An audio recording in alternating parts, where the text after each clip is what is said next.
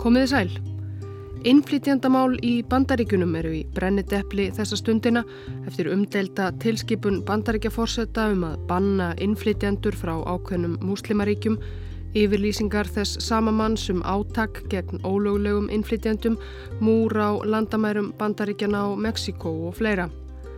Mörgum finnst þessi stefnumál og málflutningur fórsetans og stuðningsmanna hans skjóta skökku við ef litið er til sögu bandaríkjana, landsins sem byggt var upp af innfluttu fólki af ymsu tægi sem ættíð hefur gefið sig út fyrir að taka allra þjóða kvikindum fagnandi, sérilagi þeim sem minna megasín, flýja fátækt eða ofsóknir í heimalandi sínu. Látið mig vernda ykkar þreyttu, ykkar fátæku og hrjáðu fólks skara sem þrá að vera frjálsir, eins og segir í sonnettu skálkonunar Emmu Lazarus sem letruð er á stall frelsistittunar í New York. En auðvitað er ekki allt í innflytjandamálasögu bandaríkjana eins fallegt og hugsunin í þessum ljóðlínum. Einn af svörtu blettunum í þeirri sögu sem nokkuð hefur verið rifjaður upp að undanförnu var í setni heimstyrjöld. Þegar eftir innrás Japana á Pearl Harbor og formlega ingöngu bandaríkjana í stríðið, meira en 100.000 bandaríkjamenn af japanskum ættum, innflytjendur jæmt sem innfættir bandarískir ríkisborgarar, voru þvingaðir af heimilum sínum og komið fyrir í hrörlegum fangabúðum þar sem þeir máttu flestir dúsa öll stríðsárin.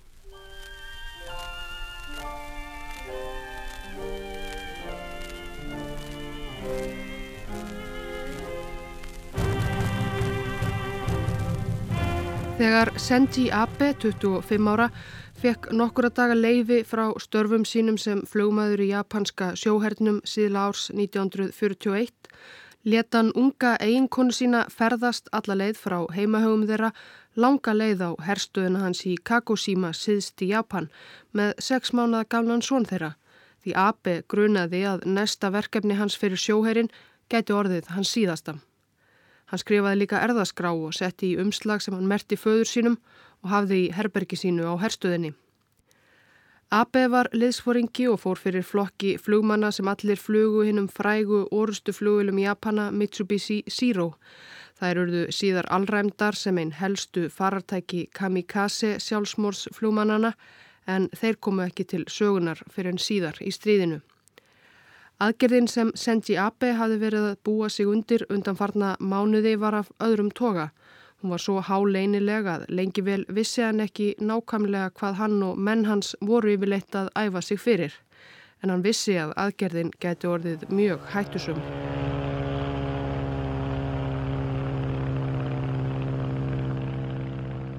Að morgni 7. desember 1941 gerðu næri 400 japanskir flugmenn skyndi árás á Pearl Harbor, flotastöð bandaríska hersins á Hawaii. Sendi Abe var einn af þeim. Á ríflega 90 mínútum tókst Japanunum að sökva fjórum orustu skipum bandaríska sjóhersins og skemma fjögur til viðbótar, sem er leiðis sökva eða skemma 11 herskip og eidilegja 188 flugveilar. Senji Abe var ekki meðal þeirra 64 Japana sem letu lífið í árásinni og hann fekk því aftur að hitta konu sína og ungan són. En hansi margir aðrir voru ekki svo hefnir því auk Japanana 64 sem fjallu, fjallu 2403 bandarækjaman í valin á þessum 90 mínútum. Árásinn á Pearl Harbor kom eins og þrjum ár heiðskýru lofti og var bandarísku þjóðinni mikið áfall. Dæin eftir steig Franklin Delano Roosevelt í pontu í bandaríska þinghúsinu og lísti því yfir að 7. desember 1941 er þið lengi í minnum hafður sem einn svívirðilegasti dagur sögunar eins og morgumblaði þýtti á sínum tíma upphafið á einni frægustu ræðu Roosevelts. Yesterday, December 7th, 1941, a date which will live in infamy. The United States of America was suddenly and deliberately attacked by naval and air forces of the Empire of Japan. Og stuttu eftir að Roosevelt laug máli sínu samþykti bandaríkjathing að lýsa yfir stríði á hendur japanska keisaradæminu. Bandaríkin voru orðin þáttakendur í heimstyrjöldinni.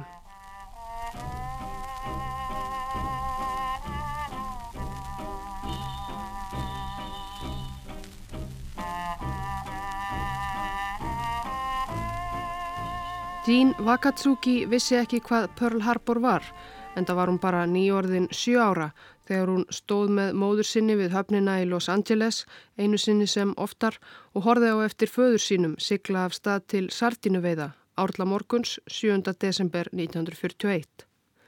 Jean var fætt í bandaríkunum. Hún var bandarískur ríkisborgari sem þekkti lítið annað en lífið við höfnina í Los Angeles en fadir hennar, Sardinuveiðimaðurinn, og móðir hennar voru bæði fætt í Japan.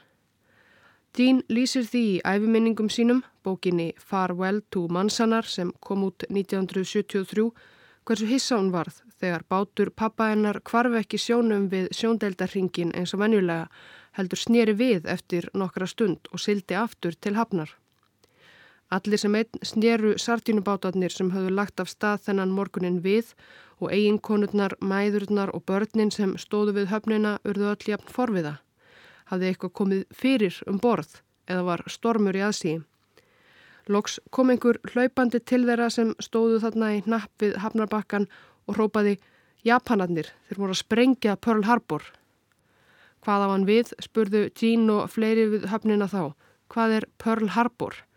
En fadir dín og hinnir sardínuveði mennir vissu hvað Pearl Harbor var og vissu að þeir hafðu ástæðu til að snúa til hafnar. Þetta kvöld brendi pappi fánan sem hann hafði komið með frá Hiroshima fyrir 35 árum. Ég trúði ekki að hann geti gert það. Þetta var svo fallegur fáni. Hann brendi líka mikið af pappirum, skjölum, allt sem geti bent til þess að hann hefði enn einhver tengsl við Japan. En þessar ráðstafanir gerðu ekki mikið gagn. Hann var ekki bara útlendingur, heldur var hann með fiskveiðileifi og fyrstu dögum stríðsins tók FBI alla slíka af óta við að þeir var í sambandi við óvinnarskip út á hafi. Pappi vissi sjálfur að þetta væri bara tímaspursmál.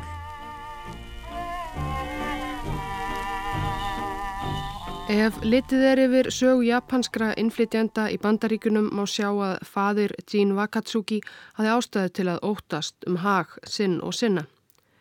Japanar byrjuði að setja staði í bandaríkunum upp úr 1868 þegar Meiji japanskeisari batt enda á langa einangrun landsins frá umheiminum og hófst handa við að færa það inn í vestrænan nútíma. Það hafi för með sér miklar samfélagsbreytingar og byldur sem ekki allir grættu á.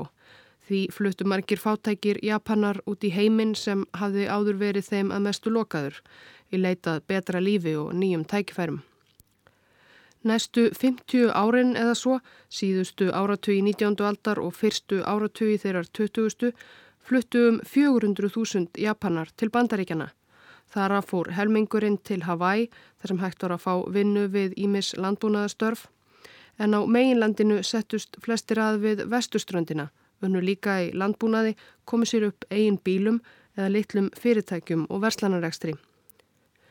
En það voru ekki allir sáttir við þessa þróun. Eftir því sem Japunum fjölgaði í bandaríkunum magnaðist andstaða við veru þeirra þar sömuleiðis.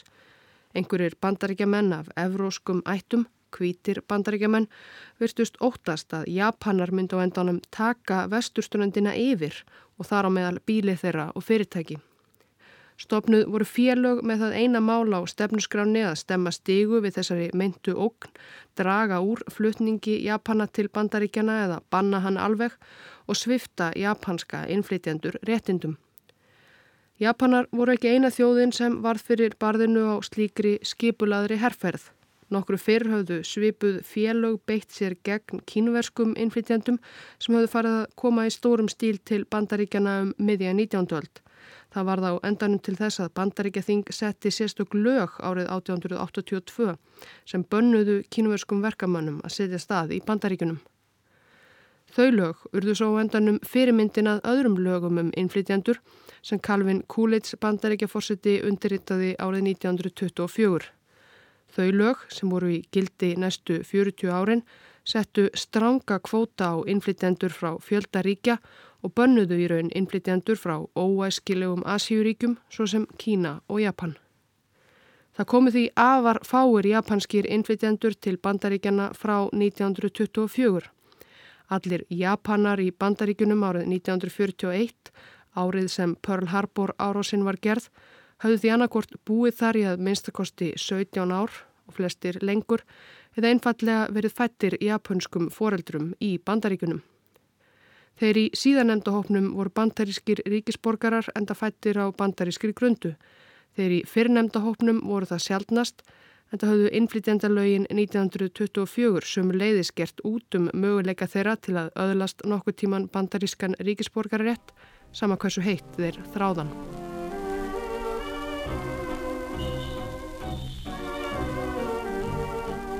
Á ljósmynd eftir Dóróteu Lang Hún er einn rómaðasti bladaljósmyndari bandarískrar sögu og tók meðal annars myndina frægu af fátækri móður með börn sín í miðri kreppu. Á einni ljósmynd sem hún tók í mars 1942 á Verslunargötu í Ókland í Kaliforníu má sjá glukka á maturverslun. Verslun þessi var í eigu Japana. Það er að segja japansks bandaríkjamanns, innflytjanda frá Japan sem hafi búið í bandaríkunum í fjölda ára og leitt á sig sem bandaríkjaman. Það átti ekki að fara á milli mála því fyrir ofan ingangin hafði verslunar eigandin hengt stort skildi þar sem stóð skýrum og stórum stöfum einfallega ég er bandaríkjamaður, I am an American. Það fylgir sögunni að skildið setti eigandin upp strax dægin eftir árásina á Pearl Harbor til að sína strax hvar hotlusta hans lægi.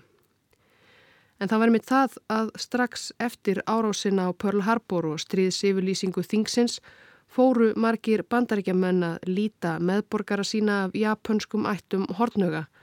Áróðursvél bandaríkjastjórnar fór strax í gang gegn nýju óvinnaþjóðinni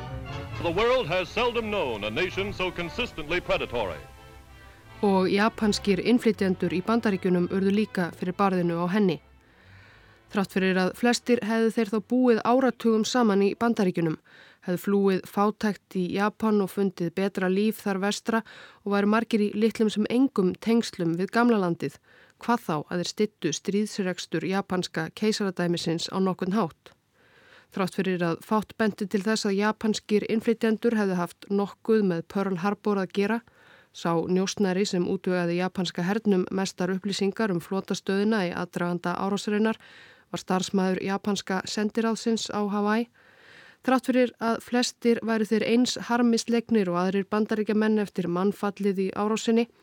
Þrátt fyrir allt þetta fóru strax að kveikna grunnsemdir meðal annara bandaríkja manna um að japansku innflytjandunir væru kannski ekki allir þar sem þeir væru séðir.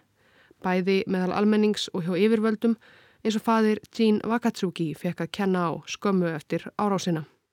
Þeir náðunum tveimur vikum síðar þegar við gistum hjá Vúti frænda á Terminal Island. Þar byggu 500 japanskar fjölskyldur og FBI menn yfirheyrðu alla og leituði í húsunum að einhverju sem gæti hafa verið notað til að senda bóð til flugvila og skipa eða benti til hotlustu við keisaran. Á flestum heimilum voru stuttbylgu útvörp með háu loftneti á þakinu svo að eiginkonurnar gætu haft samband við fiskibátana í löngum túrum. Í augum FBI var hver útvarseigandi mögulegur spellvirki. Lauruglumennir sá eitthvað grumsanlegt við venjulegustu hluti á heimilinu. Vasaljós, eldúsnýfa, myndavélar, leikfangasverð.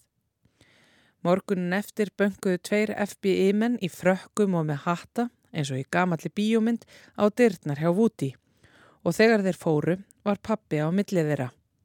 Hann streyttist ekki á móti. Það var engin ástæða til. Hann var maður án ríkis.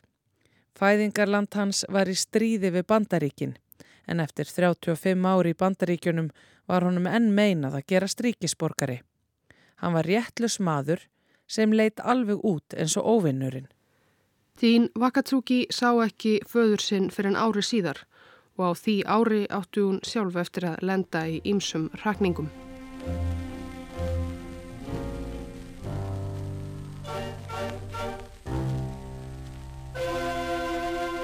Andstaðan við japanska innflytjendur og bandaríkja menn af japanskum ættum magnaðist eftir því sem á leið hjá almenningi og svo innan lauruglu, hers og í stjórnkerfinu. Heyrum nokkur dæmi um orðræðuna í garð japansk ættaðra bandaríkjamanna frá því ársbyrjun 1942. Leiðari Los Angeles Times Naðra er naðra sama hvar hún klekst úr ekkinu. Japanskur bandaríkjamaður fætur japanskum foreldrum, alin á japanskum hefðum í japansku andrumslofti. Þó hann sé að nafninu til og fyrir slisni með ríkisborgararétt, þá er hann nær óhjákvæmilega og með örfám undantekningum Japani og ekki bandaríkjamaður. Þannig að þó það sé óréttlæti við örfáa að fara með alla eins og mögulega óvinni, þá get ég ekki annað en komist að þeirri niðurstöðu að hver einn og einasti þeirra ætti að sæta slíkri meðferð meðan við erum í stríði við kynþátt þeirra. John DeWitt, hersöðingi í bandaríska hernum. Ég vil ekki sjá eitt einast af þeim hér. Þeir eru hættulegir. Það er engin leið að skera úr um hvar hotlösta þeirra liggur. Það skiptir engum máli hvort Japani er bandarísku ríkisborgari eða ekki. Hann er samt Japani. Ríkisborgari réttur þýðir ekki neitt. Við verðum að hafa áhyggjur af Japananum. Alltaf. Þar til það er búið að þurkan af kortinu. Pislahöfundur hjá dagblæðaveldi Williams Hurst. Ég stið tafarlausan brottrekstur hvers einasta Japana á vesturströndinni. Eitthvað langt inn í landið. Ég er ekki tala um einhverja indæla landsluta. Smalið þeim saman, sendið þá af stað og komið þeim fyrir einhver staðar út í auðninni. Framkvæmdastjóri samtaka grænmetisbænda í Salinas í Kaliforníu. Við bændur erum sakaður um að vilja losna við Japanana af eiginhagsmann ástæðum. Það er rétt. Spurningin er hvort á vestuströndinni búi kvítimaðurinn eða sá brúni. Þeir komu yngað til að vinna en hafa orðið eftir til að taka allt yfir. Ef allir japanarnir verða sendir burt, eigum við ekki eftir að sakna þeirra því kvítubændurnir geta tekið yfir og rækt af allt sem japanarnir gera. Og við viljum heldur ekki fá þá aftur þegar stríðinu líkur. Karl Bendetsen, ofursti. Ég er harð ákveðin í því að ef í þeim er einn einasti drópi af japansku blóði eigi að senda þá í fangabúðir. Einn drópi af japansku blóði. Það átti nefnilega eftir að næja. Þegar farið var að taka Japana höndum og senda þá í fangabúðir eins og mælst var til, þá nægði það að maður væri bara japanskur að einum sextánda. Það er að eiga einn langa langafa eða eina langa langömmu fætta í Japan. Innflytjandur af kóreuskum og tæfanskum ættum þóttu líka grunnsamlegir þar sem kóreuskæin og tæfan lötu á þessum tíma stjórn í Japana. Þessar rattir mögnuðust þar til 19. februar 1942 að Franklin Delano Roosevelt skrifaði undir tilskipun, tilskipun númer 9066 eins og hún var kölluð. Tilskipun númer 9066 gerði í stuttumáli hernaðarmála ráð þeirra bandaríkjana kleift að lýsa ákveðina landsluta hernaðarsvæði hernaðarlega viðkvæm svæði og útýsa þaðan öllum sem gáttu talist óvinnir. Það er bandaríkjumönnum sem áttu ættir að reykja til óvinnaríkja bandaríkjana í stríðinu, Þískalands, Ítalíu og Japans. Nær öll vesturströndin var svo skilgreint sem slíkt hernaðarsvæði. Ekki síst þar sem bandarísk yfirvöld óttuðust að gerði japanski herin innrás á bandaríska meginlandið er þið vesturströndin þeirra fyrsta skotmark og þar byggu líka lang flestir af japansk ættuðum íbúum meginlandsins, meira en 120.000 manns og að mati yfirvalda engin leið að vita hvernig þetta fólk myndi bræðast við mögulegri innrás Japana. Myndu þeir grípa öll tiltæka vopn og ganga í lið með innrásarhernum. Engin leið að vita og örugast því að senda þá bara alla burt. Við vissum að eitthvað svona væri í vændum en eins og þegar pappið var handtekinn var lítið hægt að gera fyrirfram. Við gáttum ekki flutt neitt annað. Og 25. februar var ákvörðunin tekin úr okkar höndum. Við fengum 48 klukkustundir til að koma okkur burt. Fjölskylda Jean Wakatsuki, móður hennar, þrjú sískinni og öldruð móðurama seldu allar eigur sínar fyrir slikk og fluttu. Með hjálp góðgerðarsamtaka gatt fjölskyldan komið sér fyrir í litlu leiguhúsnæði í útkvarfi Los Angeles þar sem fólk af óvinna þjóð mátti enn dvelja, tímaböndið. Það varði þó bara í rúman mánuð. Í marslokk var fjölskyldunni tjáða þau þyrtu aftur að taka fökkur sínar og flytja hið snarasta. Í þetta sinn talsvert lengra.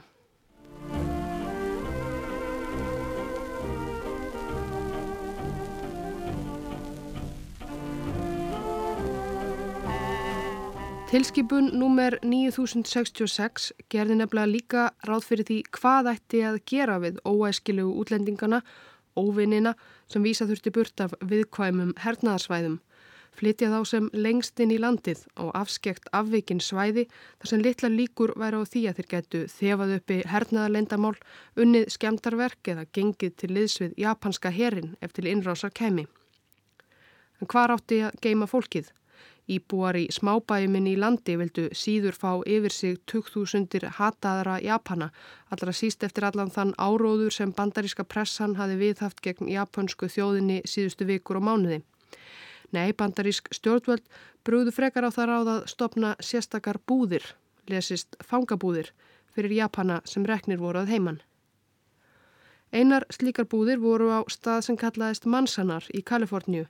Þángað var Jean Wakatsuki sendi í mars 1942 með allir fjölskyldu sinni nema föður sínum sem enn var einhver staðar í varðhaldi hafandi það helst til saka unnið að vera Japani sem átti fiskveiðileifi og mögulega útvarp líka. Þau voru með þeim fyrstu sem send voru í búðurnar og þær voru alls ekki full kláraðar þegar fyrstu fangana barað gardi. Jean lýsir í æfiminningum sínum Farewell to Mansanar. Við kerðum fram hjá gattavýrskirðingu innum hlið og svæði þar sem töskum, pókum og pinglum hafi verið kastað út úr farangusvögnunum sem kerðu á undan okkur.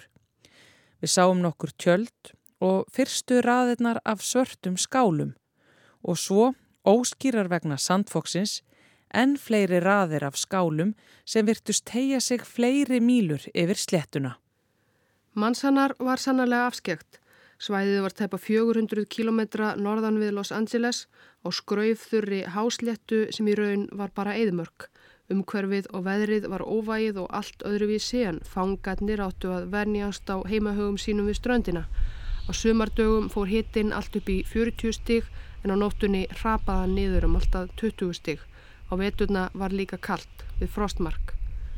Þarna hafðust fangarnir við í timburskálum sem byggðir höfðu verið í skyndi og veittu alls ekki nægilega gott skjól fyrir þessari kviklindu veðráttu.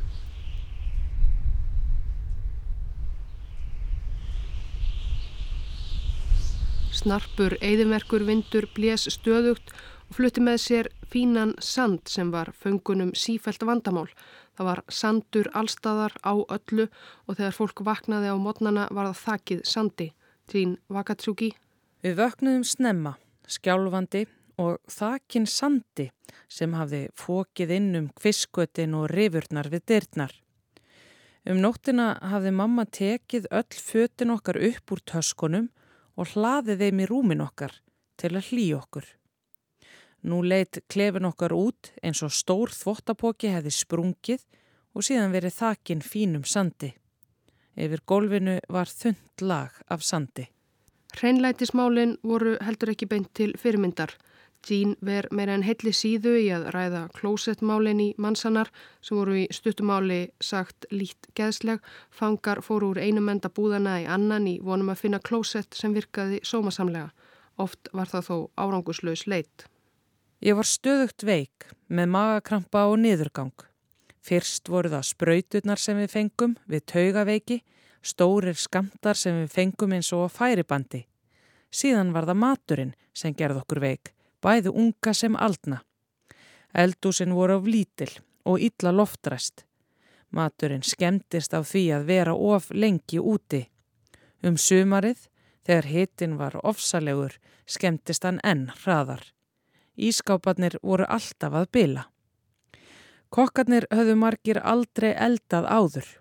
Hver blokk af skálum var það bjóða fram sjálfbóðaliða. En kokkurinn í okkar blokk hafi verið gardirkjumadur allt sitt líf og þurfti skindilega að laga þrjár máltíðir á dag fyrir 250 manns. Aðstæðunar versnuðu eftir því sem á leið og fleiri komu í hverjar búðir. Það var þröngt í timburskálunum. Þeim var skipt niður í litlar fjölskyldu einingar hver eining kannski ætluð fjórum en oft deildu þeim alltaf 25 manns. Döðsföll hafi verið rakinn til þess að fangar fengu ekki viðunandi heilsugæslu og margir fangar lögðust í djúft þunglindi.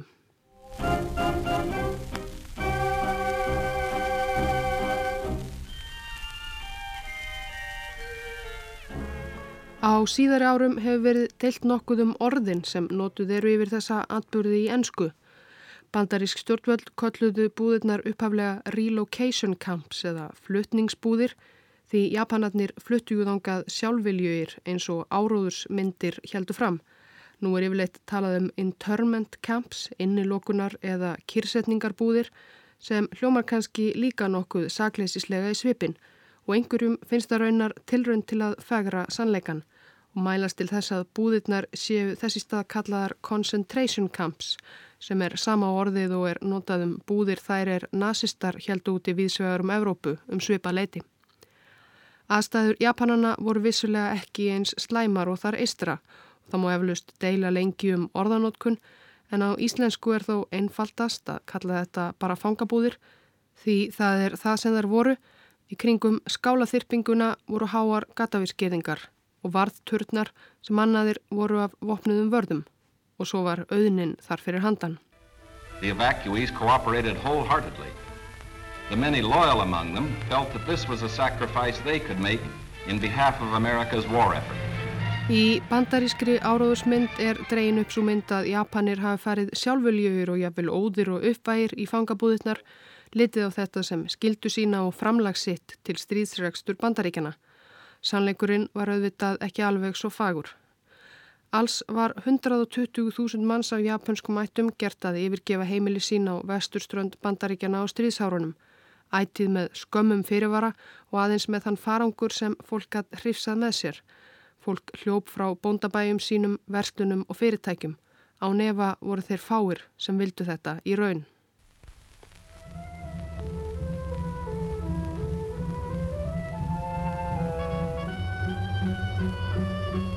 Mannsannar voru ekki einu fangabúðunar sem reistar voru fyrir japanska bandaríkjamenn á stríðsárunum. Það urðu alls tíu en það þurfti að hýsa næri því 120.000 manns. Fangabúður dúkuð upp víða en ætið á afskektum stöðum eins og í mannsannar. Í steikjandi hitta í Eidimörkum Arizona, í Wyoming og Idaho með sína köldu vetur, í Utah og Colorado. Naturally the newcomers looked about with some curiosity. They were in a new area on land that was raw, untamed, but full of opportunity. Here they would build schools, educate their children, reclaim the desert. Og svo í Rover í Arkansas, í Mýrlendi við bakka Mississippi fljótsins mikla. Til fangabúðana í Rover kom höstið 1942 meðal annars fimm manna fjölskylda frá Los Angeles, fadir, móðir og þrjú börn, fimm ára sonur og tvær dætur, fjögura og tveggjára. Móðurinn var fætt í Kaliforníu, fadurinn í Japan, en svo hændur var hann reyndar að vestrætni og sérilagi breskri siðmenningu að nefndi elsta svon St. George í höfuðið á honum Georgi Sjötta sem hafi tekið við bresku krúnunni skömmu eftir að guttin fættist. Svonur þessi, George Takei, átti síðar eftir að leggja fyrir sér leiklist og sló í gegn sem Hikaru Sulu, lautinandum borði í gameskipinu Enterprise í sjónvarsáttunum Star Trek.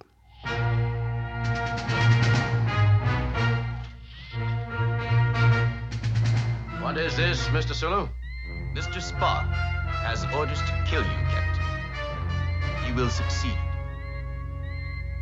Apparently. You will also appear to have killed him after a fierce battle. Regrettable, but it will leave me in command. Á síðari árum hefur Takei sem vafa lítið er einn frægast í núlefandi bandaríkjamaðurinn sem á ættir að reykja til Japans, ítrekkað rifjað upp minningar sínar úr fangabúðunum í viðtölum við fjölmiðla. Heyrum Takei segja frá í sjónvasviðtali frá 2014. I was a five year old. My father told us that we were going on a long vacation to a place called Arkansas. Ég var fimm ára. Pappi saði mér að við værum að fara í langt frí á stað sem hétti Arkansas. Þetta var ævintýri og ég held að allir færu í frí í lestarvagnir með vopnuðum hermönum fram í og aftur í sitjandi á viðabekkjum. Og þegar við nálguðumst bæ þurftum við að draga gardínundar fyrir. Það átti enginn þarna úti að sjá okkur. Við heldum að þetta ætti bara vera svona. Við sáum fólk gráta og hugsuðum af hverju eru þau að gráta. Pappi saði við værum að færa í frí, við vorum bara saklaus börn. And we thought, well, why are they crying? Daddy said we're going on a vacation. So we were innocent children.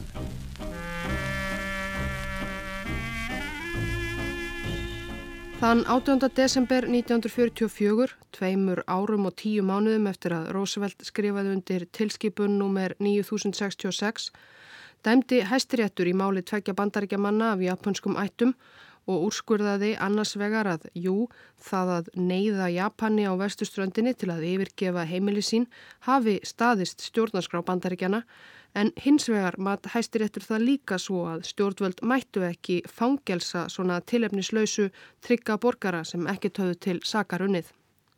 Fyrri ákvörðun dómstólsins þykir í mörgum dagvera með værri ákvörðunum í sögu hæstaréttar bandaríkjana en svo síðari var þó meðal annars til þess að loksins í áslokk 1944 og byrjun 1945 var byrjað að vinda ofan af fangabúðabransanum. Búðunum var lokað smátt og smátt og fangarnir fengu frelsi smátt og smátt en það var heldur ekki svo mikið eftir af stríðinu þarna. En hvað tók svo við?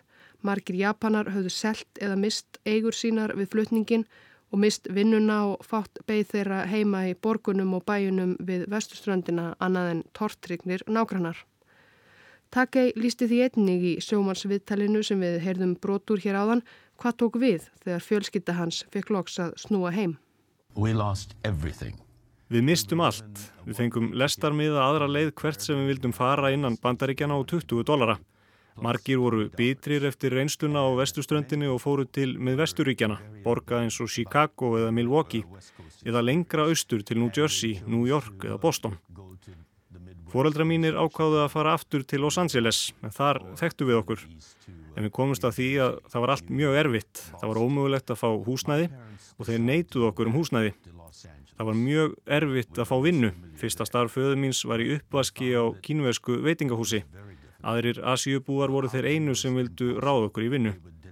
Við byggum fyrst í Rónakverfi, hlandfníkur, allstæðar og ókveikjandi íllaliktandi fólk sem hjekk upp við mústensvekkina. Það skjögraði um og ældi fyrir framann okkur. Littla sýsti mín sem var orðin fimm ára saði við mömmu förum heim og meinti aftur í fangabúðunar. Við vorum orðin vön þeim og það var hryllileg reynsla fyrir okkur börnin að koma heim. Uh, brick walls. They would stagger around and, and, and barf right in front of us. My baby sister, who was now five, uh, five years old, said, Mama, let's go back home, meaning behind those barbed wire fences. We had adjusted to that, and coming home was a horrific, traumatic experience for us kids.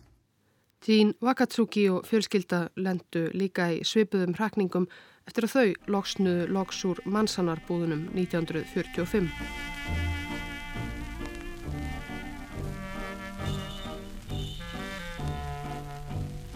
Upp úr 1980 fóru hagsmunasamtök japanskra bandaríkjamanna að berjast fyrir því að bandaríks stjórnvöld bæðust afsökunar á því misrétti sem saklausar fjölskyldur höfðu sætt á stríðsárunum og fornarlömp fangelsunarinnar fengju skadabætur.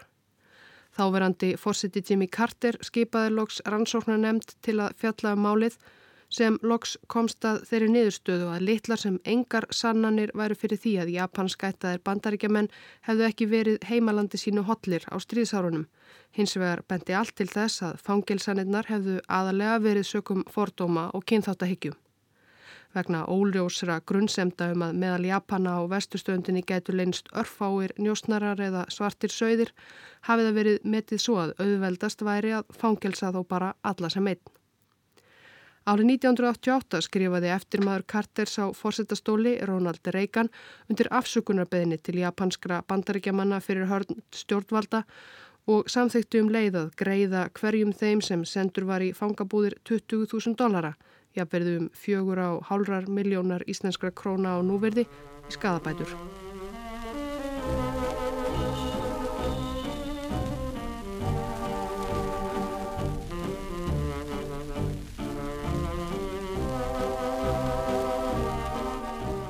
Fyrir nokkru myndist George Takei þess að 75 ár voru liðin frá því að Franklin Roosevelt stakniður penna það 19. februar 1942 og dæmdi þar með 120.000 bandaríska þegna af japanskum ættum til margra ára vistar í fangabúðum. Takei notaði tækifærið og ritaði grein sem byrtist í bandarískum fjölmjölum um reynslu sína og fjölskyldu sinnar af dvölinni í Rover í Arkansas en líka um ástandið í bandaríkunum í dag og líkindinn sem hann sér á milli ástandsins þá á 5. áratögnum og nú í stefnumálum og yfirlýsingum núverandi bandaríkjaforsetta. Maður þarf reyndar ekki að leita lengi til að finna dæmi um slíkt. Bandaríkja fórseti sagði sjálfur í kostningabaráttunni að hefði hann verið uppi árið 1942 þá, jú, geti vel verið að hann hefði stutt brottirekstur og fangelsun 120.000 Japana. Í þeim styr sem staðið hefur um tilraun fórsetans til að banna fólki frá ákveðnum muslimalöndum, Írak, Íran, Jemen, Líbju, Sýrlandi, Sómalíu og Sútan, að ferðast til bandaríkjana, hefur stuðningsfólk fórsetans sem leiðis haldið fangelsuninni á japanskum bandaríkjamönnum á stríðsárunum á lofti sem fordæmi fyrir því hvernig hægt sé að fara með minnihlutahópa þar vestra, hvernig eiga að gera þetta sem sé. Gefum takka í orðið aftur. Ég get ekki annað en heyrt í þessum orðum hryllilegt bergmál fortíðar. Þrjár ástæður voru fyrir þessari fangelsun, ótti, fordómar og hrun í pólitísku fórustu. Þegar stjórnvöld beina spjótum sínum gegn ákveðnum hópum í dag, hvort sem það er til að banna einhverjum á ákveðinni trú eða þjóðirni eða komingað, eða senda það burt vegna þess að þeir hafa ekki pappýra, þá veit ég af persónleiri reynslu að þetta er ekki eins og sagt er vegna þjóðaröryggis. Nei, þetta er til þess að vekja óta, til þess að sína djörfung og dug nýs fósetta og til að ala á sundrung meðal þjóðarinnar. Þetta eru verk harstjóra, ekki kjörins leittóa.